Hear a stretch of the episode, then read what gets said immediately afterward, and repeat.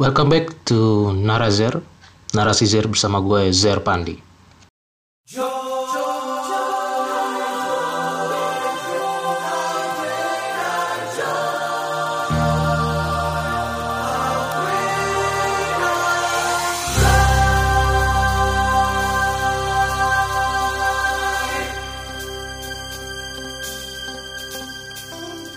Ya oke, oke eh, episode kali ini agak beda nih, agak spesial soalnya ini pertama kali Narazer eh, punya bintang tamu nih, guys, narasumber. Nah ini yang episode yang gue tunggu-tunggu nih karena eh, gue menantikan guest di Narazer di podcast gue.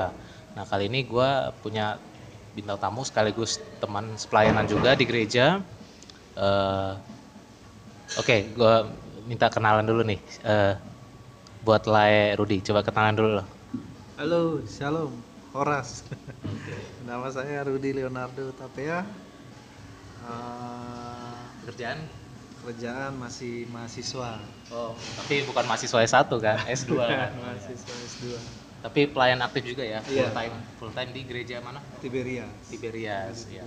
Dan oke, ini temen gue namanya Lae Rudi Hutapea karena gue orang Batak, jadi gue sering panggilnya Lae. Nah, Rudi Hutapea ini pelayan aktif full time di sebentar ya.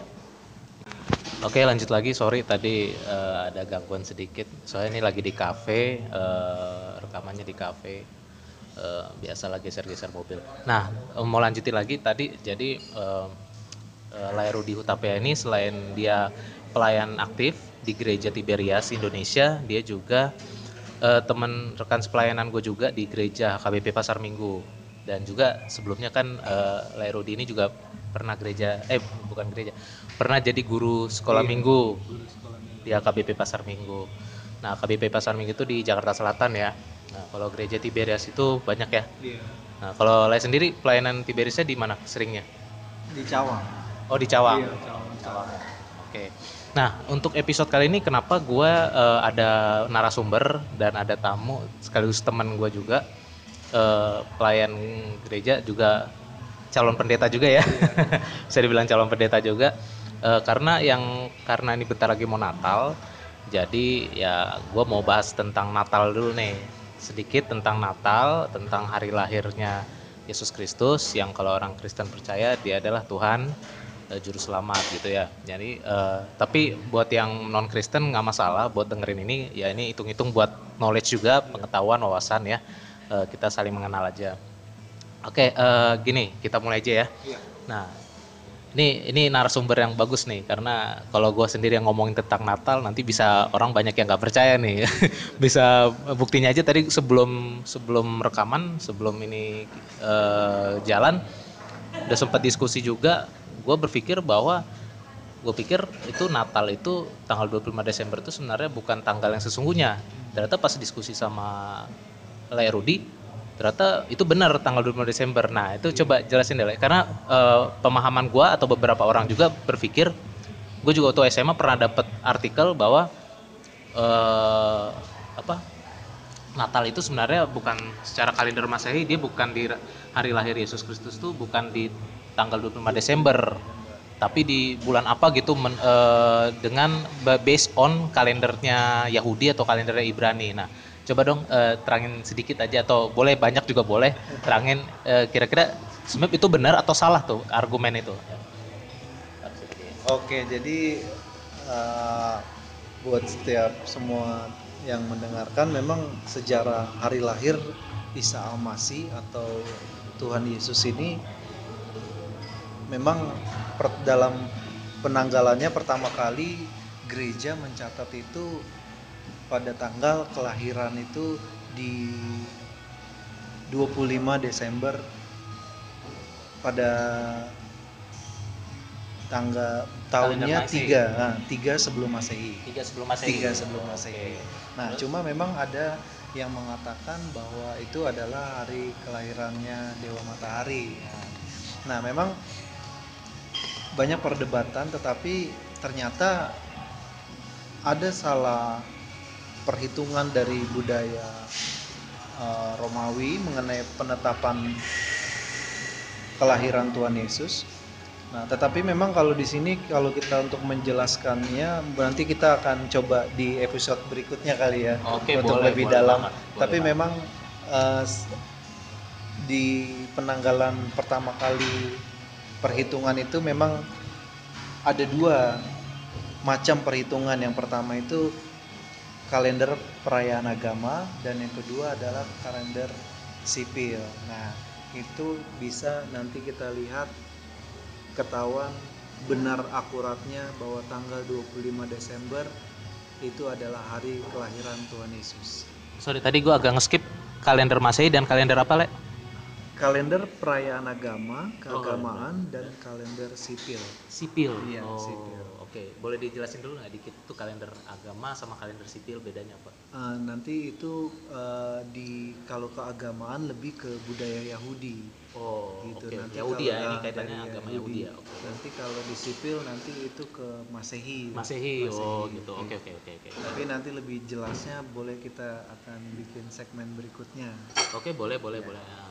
Nanti sambil konsultasi juga kira-kira judulnya apa yang bagus nih kalau Wah, berikutnya. betul, betul, betul. Oke, oke lanjut. Nah, jadi berarti memang sebenarnya tanggal 25 Desember itu secara kalender Masih itu benar ya itu eh, hari lahirnya Yesus Kristus ya. iya betul memang tepatnya itu tanggal 25 Desember Hmm. cuma memang gereja sering kali mengadakan perayaan Natal sebelum tanggal 25 Oh iya, iya betul. ataupun sesudah tanggal 25 Desember. Nah, itu tidak menjadi persoalan. Oke. Esensinya adalah yang penting mengingat 2000 tahun yang lalu Hmm. Tuhan Yesus datang menjadi manusia untuk menebus dosa-dosa kesalahan umat manusia. Oke, it, get it. Amin. Eh, jadi eh, oke, berarti ini udah clear ya. Iya. Jadi ini ini sebenarnya ini ini eh, apa? Ini confirm nih karena nih dari ilmu teologi langsung ya. Iya. sejarah sejarah hari lahir Yesus Kristus, sejarah Natal gitu.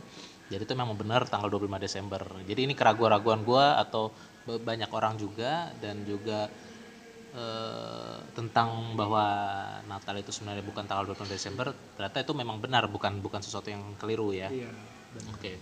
Tapi eh, tapi kalau kita lihat ini nih eh, boleh agak perbandingan dulu ya dengan dengan hari-hari Jumat Agung Mhm.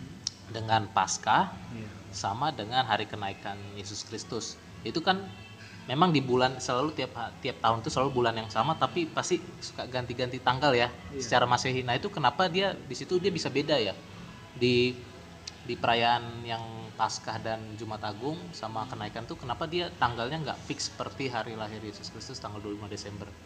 Kalau nggak salah berapa sih kalau Jumat Agung biasanya bulan-bulan apa, Le? Bulan-bulan Januari, Februari, Maret, Mei. Eh, Mei ya. Mei ya? Bulan Mei semua habis itu kenaikannya sebulan kemudian ya eh 40 hari 40 ya hari. 40 hari Iya. berarti Juni ya antara Juni, Juni ya biasanya Iya. Juni atau Juli ya Eh, kayaknya enggak ya Mei, Juni, Juli berarti. Juli. Juli liburan.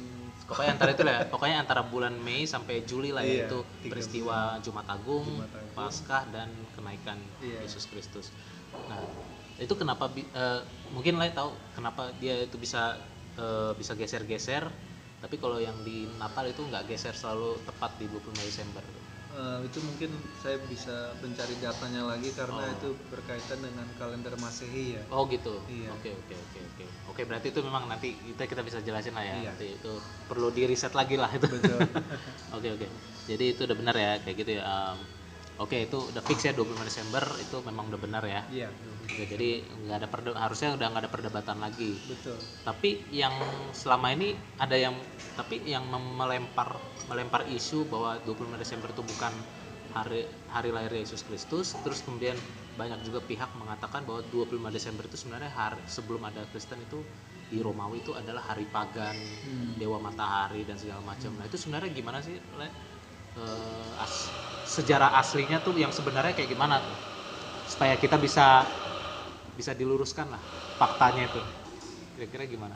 Mungkin yang memang, yang menurut pengetahuan Lay aja, yang udah Lay tahu lah. eh, memang sejarahnya kita harus belajar dari budaya Timur Ortodok memang penanggalan Budaya Timur Ortodoks, Iya, oke. Per- penanggalan mereka gereja mereka lah yang mewariskan bagaimana sejarah yang benar yang bisa akuratnya gitu Hmm. makanya nanti perlu ada materi yang harus saya siapkan lagi Hmm. untuk benar-benar keakuratannya itu karena memang ada budaya kita sulit agak untuk memahami jadi butuh data-data yang- dan saya harus materinya Oh gitu. dipersiapkan memang Oh, tapi memang itu yang ben- yang orientasi kita di budaya Timur Ortodoks ya. Iya. Kalau ini ingin ingin dapat data dan fakta Data yang yang, real, sesungguhnya yang real sesungguhnya. di tanggal Oke. 25 itu Oke, oke. Dan itu yang yang berseberangan dengan Romawi. Iya, Budaya Romawi. Kesalahan dari Hmm. penanggalan dari budaya Romawi. Oke, oke. Jadi gitu ya, berarti eh, Timur Ortodoks dan versus Romawi kira-kira tanda kutipnya gitu lah ya. Iya. Oke oke oke. Jadi eh, soalnya eh, sebelumnya sebelum kita podcast ini, gue juga sedikit sedikit ngulik sedikit lah ya Hmm. dari Wikipedia, dari Kompasiana.com. Nah Iya. itu sempat dapat juga infonya. Kayak misalkan ntar ya gue coba.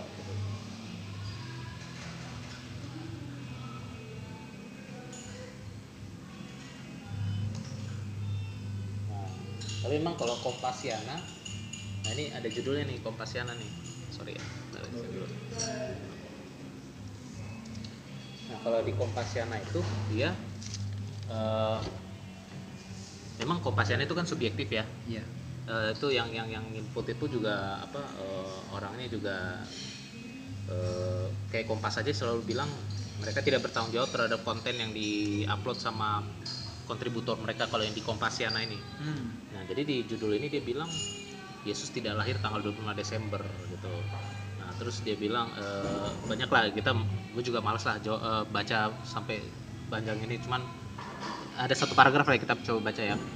Ya, dari eh, argumen dia, pertanyaan tersebut memang tidak bisa dijawab oleh umat Kristiani yang tidak pernah mempelajari sejarah dan dasar Alkitabiah mengenai lahirnya Yesus Kristus berdasarkan literatur-literatur kuno asli berbahasa Ibrani dari tradisi bangsa Israel Yahudi menurut perhitungan kalender mereka. Sebab sampai sejauh ini narasi sejarah gereja dunia yang dominan sebagai hasil peninggalan gereja Katolik Roma telah mendikte banyak gereja dan orang Kristen hingga mereka meyakini bahwa tanggal 25 Desember merupakan hari kelahiran Yesus Kristus sang penebus dosa manusia. Nah, untuk mencari jawaban mengenai hari kelahiran Yesus Kristus yang sebenarnya, kita dapat mendasarkannya pada apa yang tertulis dalam Alkitab itu sendiri. Jadi tidak perlu mencari ke mana-mana, sebab Alkitab telah menyediakan informasi yang jelas dan berharga tentang kelahiran Yesus. Tulisan ini mungkin ber- mungkin berisi penjelasan yang ofensif untuk orang Kristen yang sudah terlanjur menganggap kelahiran Yesus adalah pada tanggal 25 Desember, padahal ini jelas kekeliruan. Oke, ini mungkin kita bisa pelajarin lah ya sedikit, cuman dia banyak lah penjelasannya kayak misalkan dibilang eh, kayak dibilang eh, dia meng- menghubung-hubungkan perayaan pada saat itu pada saat Yesus lahir itu ada perayaan apa yang mana tuh perayaan itu terjadi di bulan apa di kalender Ibrani yang mana tidak cocok dengan Desember di kalender masih pokoknya macam-macam deh. Jadi nah, jadi tapi kalau ini gue boleh minta komentar lain nggak? Yang satu paragraf itu aja. Mungkin Iya. bisa nggak kasih komentar yang soal yang ini yang kita sempat gue baca tadi. Kira-kira apa nih? Maksudnya kalau dia kita bilang dia bilang kita balik lagi ke Alkitab nah memangnya apa yang bisa kita dapat di Alkitab tentang eh, tentang fakta hari lahir Yesus Kristus itu Jadi memang ada petunjuk Hmm. waktu kelahiran Tuhan Yesus itu ada sebuah bintang. oh ya bintang ya Itulah yang mengarahkan orang-orang yang datang berbondong-bondong membawa emas, kemenyan dan mur orang-orang majus orang-orang majus untuk mempersembahkan Hmm. Emas, kemenyan dan mur. Nah, itulah yang nanti menjadi bagian dari dasar rasi bintang itu. Itu termasuk salah satu faktor pendukung.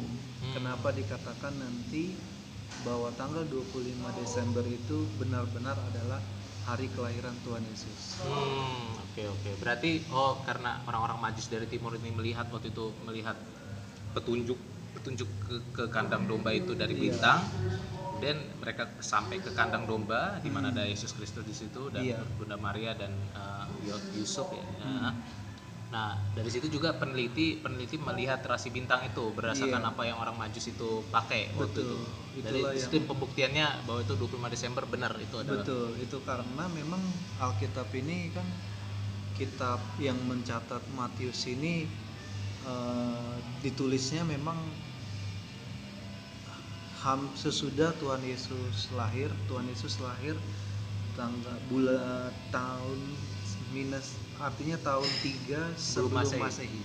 Nah, 39. itu sesudah itu nanti uh, Tuhan Yesus akhirnya mati tahun 30 kemudian diteruskan para rasul menuliskan kitab kitab Matius, Lukas yang mencatat mengenai kelahiran Tuhan Yesus. Nah, nanti Hmm. bisa didapatkan keakuratan bahwa Yesus itu memang lahir pada tanggal 25 Desember. Oh, Oke oke, good good good. Itu suatu pencerahan juga ya. Jadi gua udah nggak sesat lagi nih. Kalau sebelumnya nih sempat oh sempat punya sempat istilahnya sempat ke, ke ke kiri nih sayap kiri nih. Biasanya kan kalau sayap kiri kan biasanya yang yang anti mainstream ternyata memang ya memang yang kanan ini selama ini emang udah benar masih tanda kutip kanan ternyata benar emang 25 Desember gitu ya itu udah dari rasi bintang dari bisa disinkronis juga dengan kalendernya Yahudi ya, ya. Ibrani Ibrani gitu ya. Oke.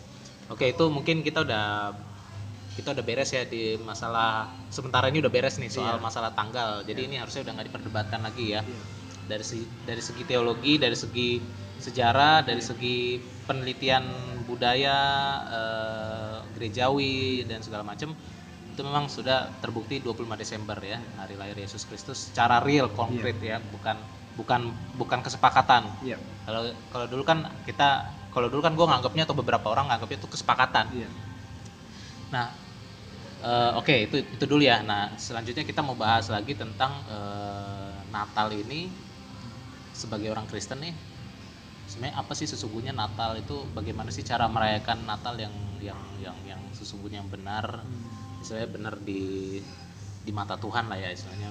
Ya maksudnya kalau kita kalau kayak dari paham yang lain tuh misalnya benar menurut agamanya gitu ya Iya. istilahnya kalau istilah kita ngambil paham dari istilah dari orang eh, saudara-saudara kita yang beda iman eh, apa sih yang benar menurut secara agama yang sesungguhnya kalau kita merayakan Natal apakah misalnya takutnya nih banyak orang menganggap Natal itu harus ada Santa Claus.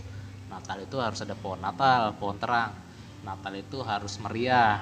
Natal itu harus ada tukar kado. Eh, atau sebenarnya yang wajib itu sebenarnya yang penting itu apa di Natal tuh? Karena orang-orang sekuler mungkin ya kalau orang-orang yang bukan Kristen atau mungkin orang-orang yang nggak nggak menganggap dirinya taat taat sebagai orang yang Kristen yang taat ya mungkin fine fine aja. Merayakan Natal dengan Santa Claus pohon terang kalau nggak ada terang nggak afdol. Kalau nggak ada tuker kado nggak afdol. Nah nah ini kira-kira em, apa namanya?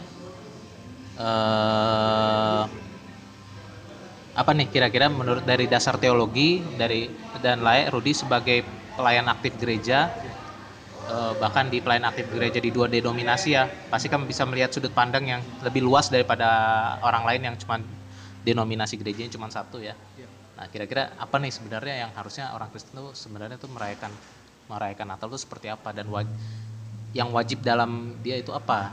Itu kan misalkan apa. Nah kira-kira apa nih? Eh, Le boleh jelaskan di segmen berikutnya. Eh, stay tune ya di podcast gua. Eh, stick around don't go anywhere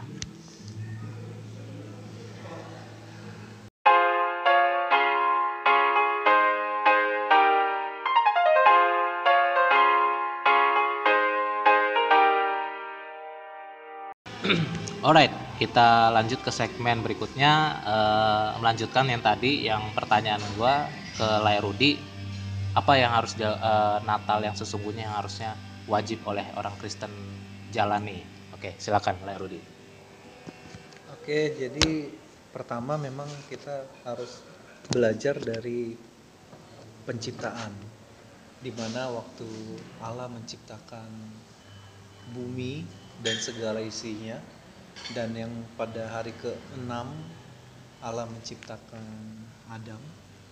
Nah ini ternyata Alkitab bilang bahwa baiklah kita menjadikan manusia menurut gambar dan rupa kita supaya mereka berkuasa atas ikan-ikan di laut dan burung-burung di udara dan atas ternak dan atas seluruh bumi dan atas segala binatang melata yang merayap di bumi. Jadi memang pada penciptaan pada hari yang keenam Allah menciptakan manusia segambar dan rupa Allah. Nah, segambar ini dari bahasa aslinya itu mengandung berbicara mengenai karakter, artinya karakter.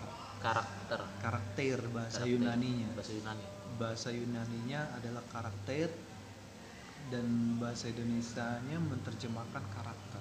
Artinya bahwa sebenarnya pertama kali Allah menciptakan Adam dan Hawa itu adalah sekarakter Allah. Karakter Allah bagaimana? Dia karakter Allah itu maha kasih, karakter Allah itu adil, karakter Allah itu lemah lembut. Nah, inilah sebenarnya karakter pertama manusia.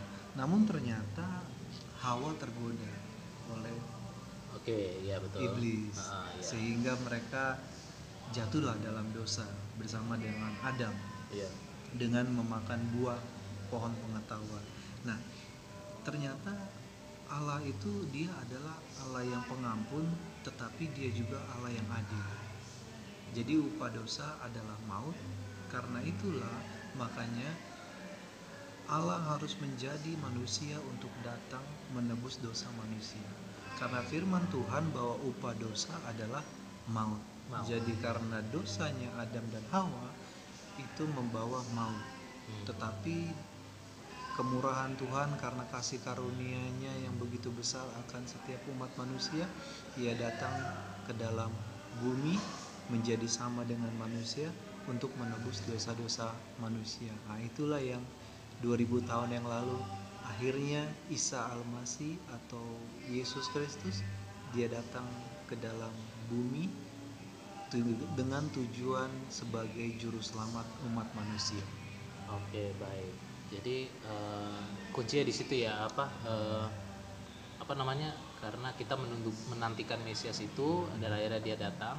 Hmm. Yesus Kristus datang menyelamatkan umat manusia, eh, menebus dosa manusia yang karena dosa itu adalah upahnya maut itu ya. Mau tidak. Nah kalau secara konkret, nah jadi kalau orang-orang Kristen merayakan Natal, mempersiapkan Natal, atau bahkan merayakan Natal di H, H- sebelum hari H Iya. sampai hari H dan setelah hari H.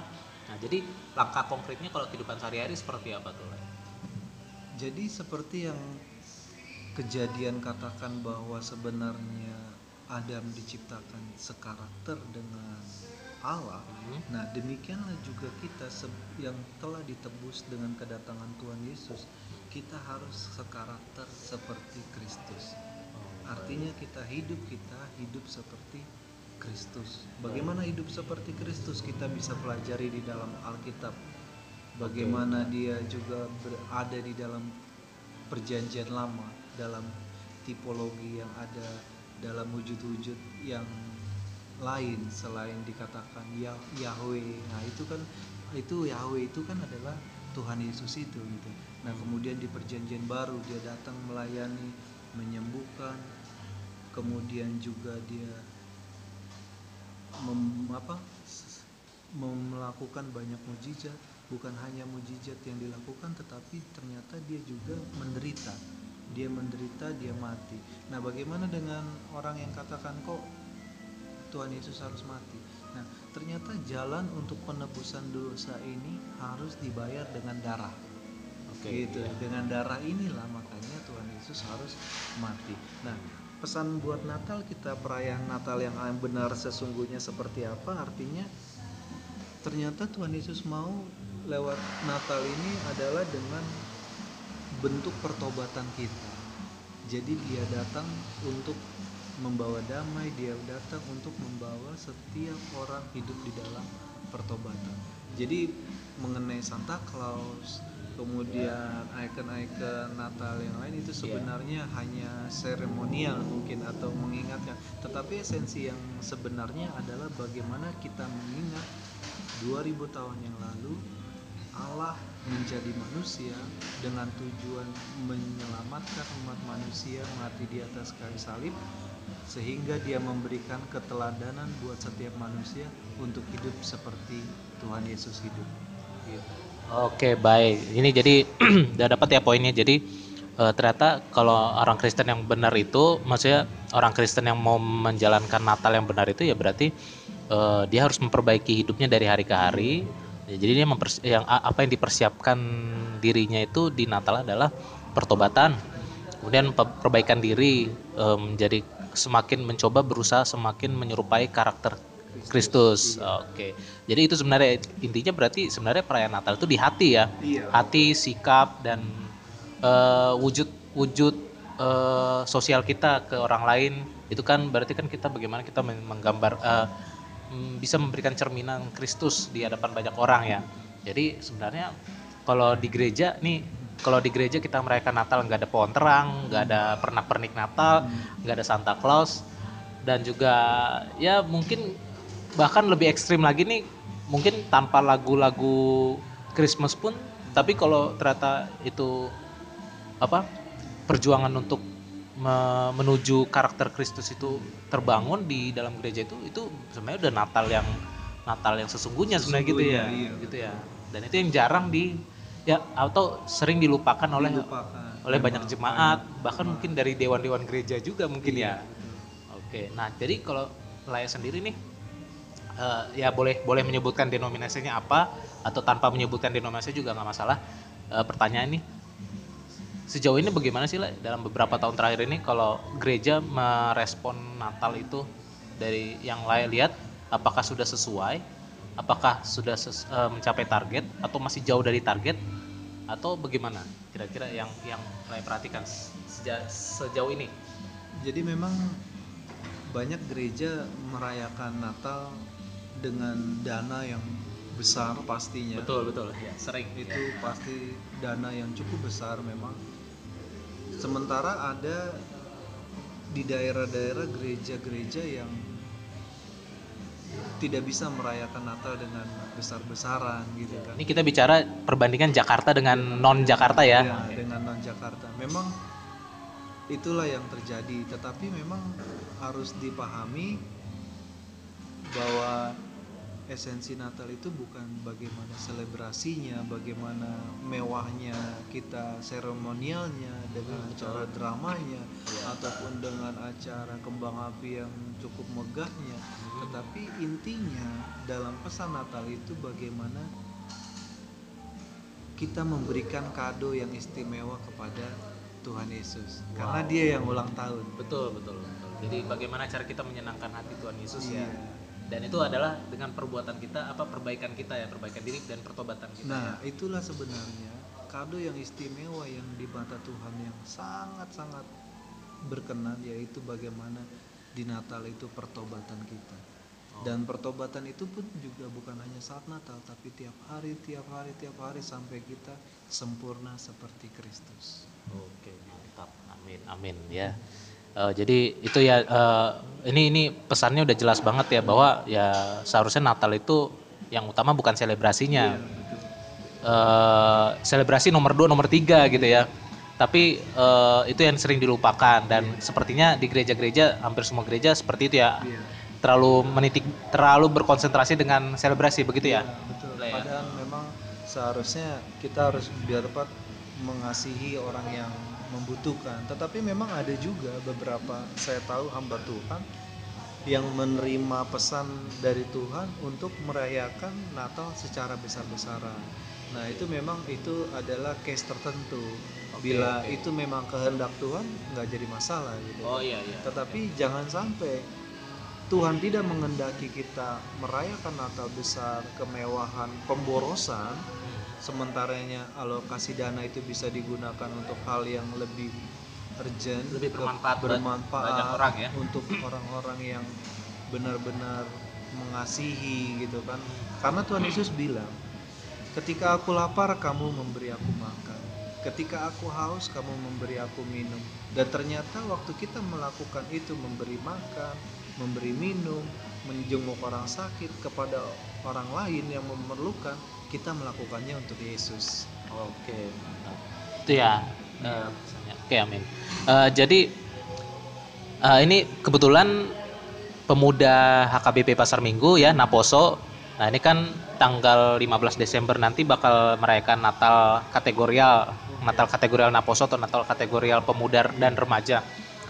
Eh, jujur nih dari gue sendiri nih Ale ya, gua nggak gitu tertarik dengan perayaan Natal mereka.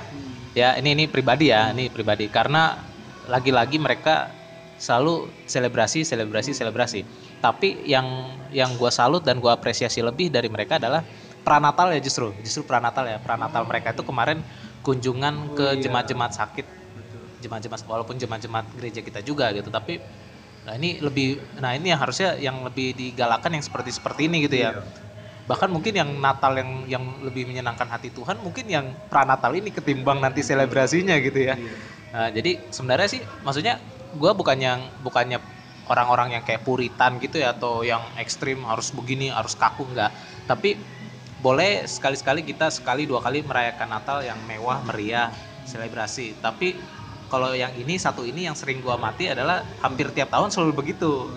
Meriah terus mewah terus. Nah kapan nih? Maksudnya esensinya atau maknanya tuh bagaimana maknanya yang bisa didapat dari jemaat gitu kan? Iya. manfaatnya di mana gitu? Kecuali kecuali ini kita merayakan Natal meriah-meriah tapi jem- yang yang yang kita undang adalah sebagian besar misalkan eh, anak yatim piatu atau apa. Ah, nah itu kan lebih oke kan daripada ya jemaat yang itu itu lagi itu itu lagi. Maksudnya jemaat yang yang emang udah udah jemaat di gereja yang yang terdaftar terus juga emang udah sering ikut segala macam kegiatan di gereja tapi kan orang-orang yang belum pernah menikmati kemewahan Natal gereja kita justru ini yang belum pernah nikmatin ya harusnya mereka lah yang kita undang kira-kira gitu ya. Nah tapi ya gue di sini juga nggak ada nggak dalam posisi untuk mengkritik tapi ya itu perbandingan aja contoh kasus aja ya. Jadi eh, sebenarnya sih jadi sebenarnya Natal dengan kehidupan kita sehari-hari pun sebenarnya aksi dan misinya juga nggak beda jauh berarti ya lah ya. Jadi Iya, kan- karena kan tiap hari kita juga eh, perjuangan kita untuk memperbaiki diri supaya kita lebih sempurna, sempurna s- semakin sempurna seperti Kristus gitu kan. Walau kata dia kan kata Tuhan Yesus itu kan eh, mustahil bagi manusia tetapi bagi Iya, Tuhan tidak mustahil. tidak ada yang Nah, mustahil. itu kan kuncinya di situ. Iya. Nah, berarti kan sebenarnya Natal, Paskah, apa pun itu ya aksi dan misinya sebenarnya sama aja gitu kan. Oke, jadi itu ya eh, ini kita udah dapat ya berarti pesan Natal selalu jelas ya di mana-mana bahkan pendeta pun banyak pendeta pun selalu mengingatkan ini ya Natal Iya. pesan-pesan Natal di khotbahnya gitu. Oke, eh, jadi kita juga tadi eh, segmen sebelumnya kita udah bahas tentang eh, fakta dan realita tanggal lahir Yesus Kristus. Ya, kita udah dapat klarifikasinya itu eh, 25 Desember itu memang benar bukan bukan sesuatu yang keliru. Eh, sudah dicek, sudah ada pembuktian secara ilmiah dan Iya. penelitian. Nah, kemudian juga kita juga ada dapat makna dan eh, nat perayaan Natal yang sesungguhnya yang harus dirayakan oleh orang-orang Kristen yang sudah dijelaskan sama Laya Rudi tadi. Nah, oke, jadi eh, apa lagi nih? Kira-kira Le ada yang mau ditambahin lagi tentang Natal ataupun yang Iya. bersifat Dulu eh, ada kita sekolah waktu saya sekolah Alkitab program satu tahun itu kita waktu saat Natal mengundang anak-anak oh, bukan anak-anak ya orang-orang yang cacat. Oke? secara fisik baik yang buta. Nah ini ternyata mereka punya keahlian.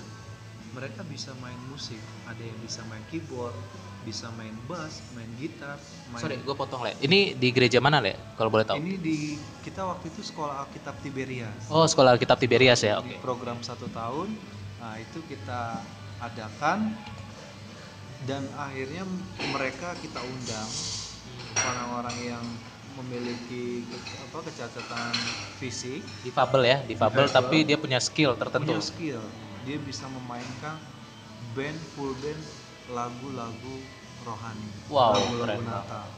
Nah itu mereka dengan undangan yang kita gunakan untuk mereka jadi budget Natal yang perayaan itu yang kita miliki kita alokasikan dengan memberikan kepada mereka undangan kita bisa makan bersama mereka juga boleh memberkati dengan lagu puji-pujian rohani Natal sehingga kita yang secara fisik ini Lengkap ya? normal lengkap agak tersentak juga gitu dengan menyaksikan oh iya kita bisa merayakan Natal bersama-sama dengan orang-orang yang ternyata Tuhan mengasihi mereka gitu kan dan mereka juga suatu kebanggaan mereka bisa diundang mereka bisa bersama-sama mm, apa memuji menyembah Tuhan merayakan Natal di momen Natal pada tahun itu Oh, nice, nice. Itu di mana, Le? Di Jakarta? di Jakarta tepatnya waktu itu di gereja Tiberias Duta Merlin Oh, Duta Merlin itu di Jakarta Pusat ya, Pak? iya di Dekat Harmoni, Harmoni. Iya, oh, betul. situ. Terus eh, anak-anak di pub, anak-anak nih ya? ada eh, dewasa juga Dewasa campur juga. campur Oh. Nah, ini anak-anak dan dewa eh, berbagai kaum, kaum Umur, ya. komunitas difabel ini dia dari undangan diundang dari mana aja nih?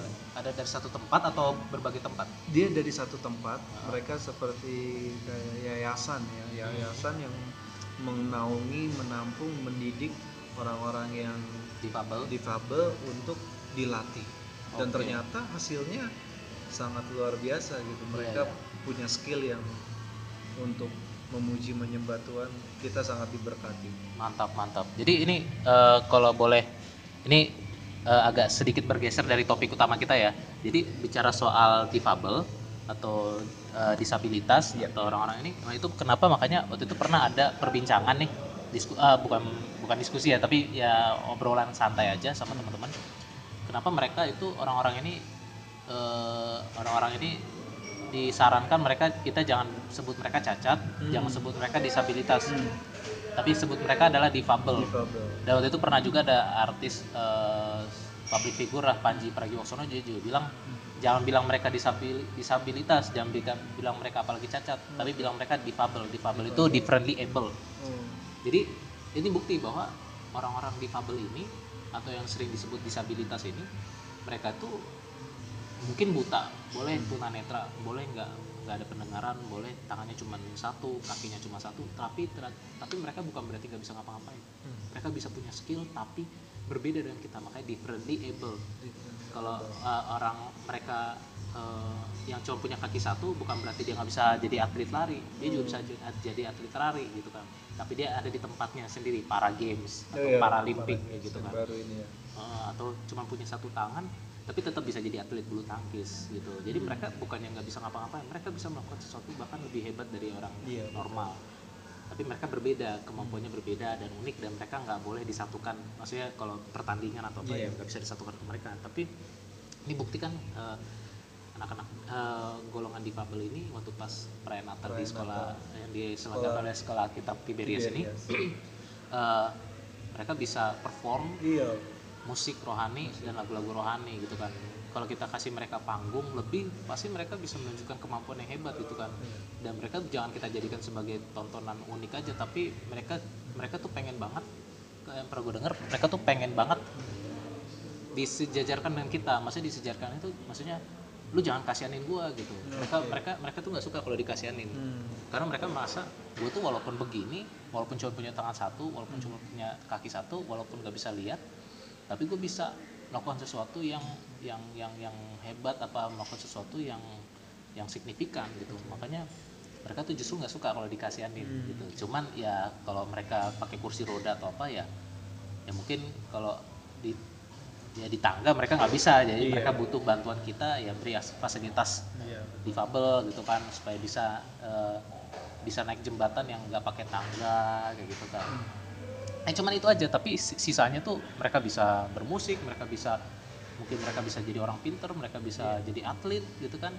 Bisa jadi atlet in a different way gitu kan. Nah itu kira-kira gitulah. Eh, cuman sekedar eh, intermezzo tentang Betul, difabel. Ah, jadi gue baru tahu oh jadi itu kenapa dibilang difabel gitu. Alasannya bukannya mereka bukannya disabilitas atau cacat itu kasar bukan. Tapi maknanya adalah kalau disabilitas atau cacat berarti mereka nggak bisa ngapa-ngapain Hmm. tapi kalau difabel mereka keterbatasan fisik tapi mereka bisa melakukan sesuatu yang signifikan gitu Betul. walaupun beda dengan orang-orang normal Betul. gitu oke ini bagus banget nih bahasan kita ya Eh, dari Natal Iya. ke ke sosial juga ke orang-orang tentang komunitas difabel jadi harusnya kita Natal itu lebih bermakna ya Iya. bukan cuma selebrasi ya kayak di mall-mall boleh aja mereka bikin pohon Natal segede Iya. segede-gede gaban atau setinggi menara boleh-boleh aja. Tapi ya kita kan bukan mereka gitu maksudnya. Ya itu kan boleh lah orang-orang sekuler boleh merayakan Natal seperti itu ya. Tapi kalau orang-orang Kristen kalau memang kalian atau siapa pun itu pengen jadi tak Kristen yang taat ya harusnya ya ikutin eh, apa yang Tuhan inginkan gitu ya. Hmm. kira-kira gitu eh, apa yang udah dijelaskan sebelumnya sama Lairudi ya makna perayaan Natal yang sesungguhnya gitu ya. Oke. Eh, jadi itu eh, apalagi nih Lai? Gue juga agak ngeblank nih. Kira-kira apalagi nih? Kayaknya udah lengkap nih ya. Jadi eh, pokoknya karena kita ini segambar dengan Allah Iya. awalnya kita dibuat memang Diciptakan. sega- diciptakan segambar dengan Allah. Jadi harusnya kita mengikuti eh, karakternya Allah gitu ya. Iya. Eh, sebelum kita jatuh ke dalam dosa tapi kan kita sudah di sudah ditebus Hmm, jadi iya. makanya kita punya kesempatan untuk kembali lagi ke seperti segambar dengan Allah gitu ya kira-kira dengan ya teladan yang dilakukan oleh Tuhan Yesus. Memang proses ini adalah proses yang panjang. Jadi proses untuk serupa dengan Kristus bukan proses dalam satu hari kita Sehari dua hari ibadah, gitu, iya, benar. KKR Oh, iya, betul, betul, betul. dalam satu Natal kita Hmm. merasa jamahan Tuhan, menangis, kemudian kita menyesali segala perbuatan. Itu adalah baru titiknya aja. Tapi pertobatan ini adalah sebuah garis panjang dan di- apa akhir dari garis panjang itu adalah sampai nafas kita terhenti. Nah, itulah pertobatan setiap hari kita Iya, betul. harus lakukan. pertobatan setiap hari atau ada bisa dibilang proses ya Iya. berproses terus ya tiap hari berproses terus jangan sampai hari ini dosa kita ya, dosa kebiasaan jelek kita ada lima Hmm. coba besok kita kurangi jadi Iya, empat betul. Em, kalau udah berhasil ngurangin yang empat coba yang berikutnya kira-kira gitu ya proses karena kan kita manusia ya Iya. Eh, apa alam bawah sadar kita sering me- sering mem- apa sering membuat kita sering jatuh ke dalam dosa Iya. secara secara tidak disengaja ataupun secara tidak sadar gitu ya. Iya.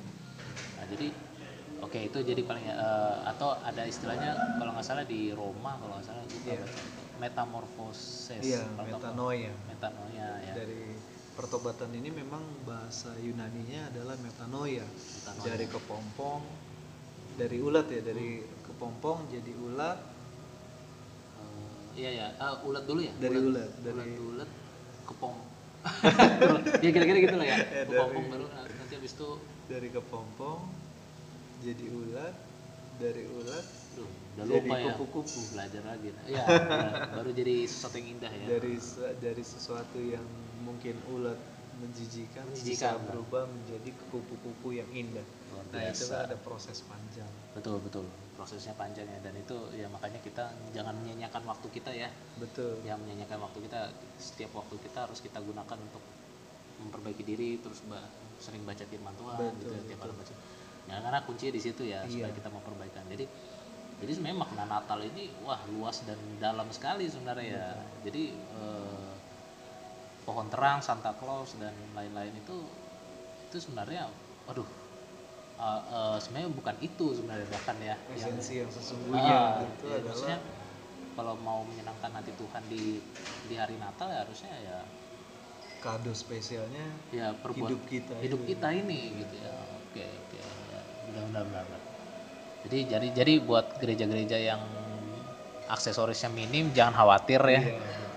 jangan khawatir berkecil jangan berkecil hati karena bukan itu sebenarnya yang penting tapi yang penting adalah bagaimana eh, para pelayan para pendeta itu bisa eh, membawa jemaatnya ke perubahan yang lebih baik bisa bisa mendorong jemaatnya tiap hari bisa tiap hari ya nggak cuma tiap minggu tapi tiap hari juga bisa didorong supaya ada melakukan pertobatan Iya. perbaikan metanoia tadi Betul.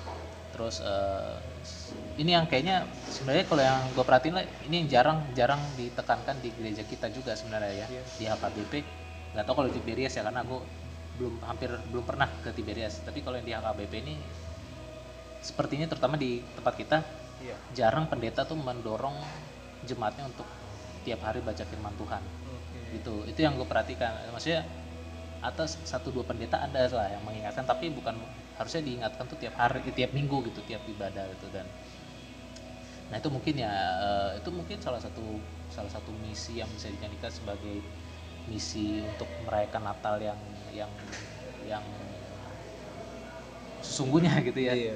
Ah, gitu oke eh, apalagi nih kira-kira ada mau ditambahin lagi Le? Mengenai tadi karena Lezoro membahas mengenai firman Tuhan, ah ya ah. memang firman Tuhan itu seperti makanan. Tetapi dia makanan itu bukan buat tubuh, kalau makanan yang kita makan pagi, siang, malam itu itu memberi kekuatan buat tubuh fisik jasmani kita. Tetapi firman Tuhan itu dia memberi makanan buat roh kita. Karena tubuh kita ada tubuh, jiwa dan roh. Nah, roh kita ini butuh makan. Sama seperti tubuh jasmani kita kalau tidak makan pasti kita akan lemas. Nah, demikian juga kalau roh kita tidak diberi makan firman Tuhan, dia akan lemas sehingga akhirnya dia mati. Iya betul. Nah, Jadi Karena itu memang beberapa gereja ataupun seharusnya lebih menekankan untuk jemaat kembali kepada firman Tuhan, bagaimana belajar firman logos, kemudian juga melakukannya menjadi rema di dalam kehidupan setiap hari. mantap. Amin. Betul ya. Jadi eh, tiap hari ya karena itu makanan untuk jiwa dan roh kita. Walaupun tidak kelihatan kalau nggak pernah dikasih makan lama-lama jiwa dan roh kita eh, layu ya. Lemas, layu. iya. Ma- dan akhirnya benar-benar ma- bisa jadi Layu mati. akhirnya mati. Jadi kita makan firman Tuhan jangan cuman pas ibadah hari Minggu Iya, aja gitu betul. ya. Tapi tiap hari gitu ya. Pagi Iya. bahkan kita berkata renungkanlah firman Taurat firman Tuhan itu siang dan malam. Mantap. Ya, betul. Amin. Itu di kitab apa ya? Lupa. Mazmur. Mazmur ya, Raja Daud ya. Oke. Nice, nice. Terus tadi kita kayaknya ada bahas topik yang agak ke menyerempet apa agak geser dikit dari Natal tapi kayaknya butuh episode khusus nih. Tadi apa ya kita bahas ya? yang di off the record kita ngomongin tadi? Oh, mengenai sejarah tanggal 25 Desember. Oh, itu. Apakah benar Tuhan Yesus lahir tanggal 25 Desember? Oh, oke oke. Itu itu kita mau bisa kulik lagi Iya. eh, secara secara ilmiahnya ya. Iya, betul. secara ilmiah dan itu nggak bisa dan itu nggak bisa dijelasin di satu episode ini aja Iya, gitu ya jadi itu betul. butuh episode khusus, ya jadi dinantikan aja nanti mungkin ada episode lanjutan lagi tentang sejarah Natal dan pembuktian itu tanggal lahir Yesus Kristus itu benar apa tidak tanggal 25 Desember nah itu nanti ada pembahasan lagi dan itu eh, ini nanti mesti disiapin dulu ya Iya, materinya siapin materinya. Oh, ini karena sesuatu yang serius nih. Apalagi kita di cafe namanya Seriously Cafe nih. Jadi harus harus serius nih materinya gitu. Walaupun kadang-kadang di podcast gue ini eh, ini gue subjektif ya. Kalau ngomong subjektif, Ah, maksudnya berdasarkan opini aja gitu. Nggak ada validasinya. Tapi bukan berarti gue ngasal-ngasal ngomongnya. Tapi eh, kayak misalkan gue di episode sebelumnya ada ngomongin tentang startup Singapura, ada ngomongin tentang eh, fenomena anak-anak milenial orang Batak. Orang Batak, iya. Terus ada juga tentang bagaimana perilaku netizen yang kacau Oh, iya. dan liar di sosial media. Nah, itu gue bicara tentang op- berdasarkan opini gue, tapi memang butuh validasi. Tapi ya kalau di podcast susah lah kan, karena podcast belum terkenal kayak di YouTube atau apa gitu, Iya. jadi belum ada validasinya. Tapi kalau kayak ini episode kali ini itu udah valid nih, udah validasinya udah bagus nih karena gue bicara langsung dengan narasumber yang terpercaya nih, Iya. kredibel di bidang teologi gitu ya. Dan dan apa? Nah ini nanti sejarah Natal kita udah sudah bahas sedikit Iya. di episode ini, tapi nanti butuh episode khusus lagi nih. Oh, iya, betul. Nah, jadi tapi mungkin sayangnya ini mungkin bukan di bulan Desember ini nih kita bahas ya, nggak apa-apa lah. Tapi setidaknya ini udah ada pemanasannya dikit nih. Jadi eh, pemanasan dikit tentang Natal sebelum merayakan Natal. Jadi oke, jadi itu aja kali ya. Itu aja dulu ya sampai eh, untuk episode kali ini tentang Christmas edition nih Iya. ngebahas tentang Natal untuk eh, yang harusnya direkomendasikan untuk orang-orang eh, orang-orang Kristiani ya pemeluk Kristen Katolik dan ya terutama Kristen ya. Eh, jadi kalau Katolik ada ya nanti takutnya nanti beda teologi ya. Jadi yang Kristen lah pokoknya yang Kristen.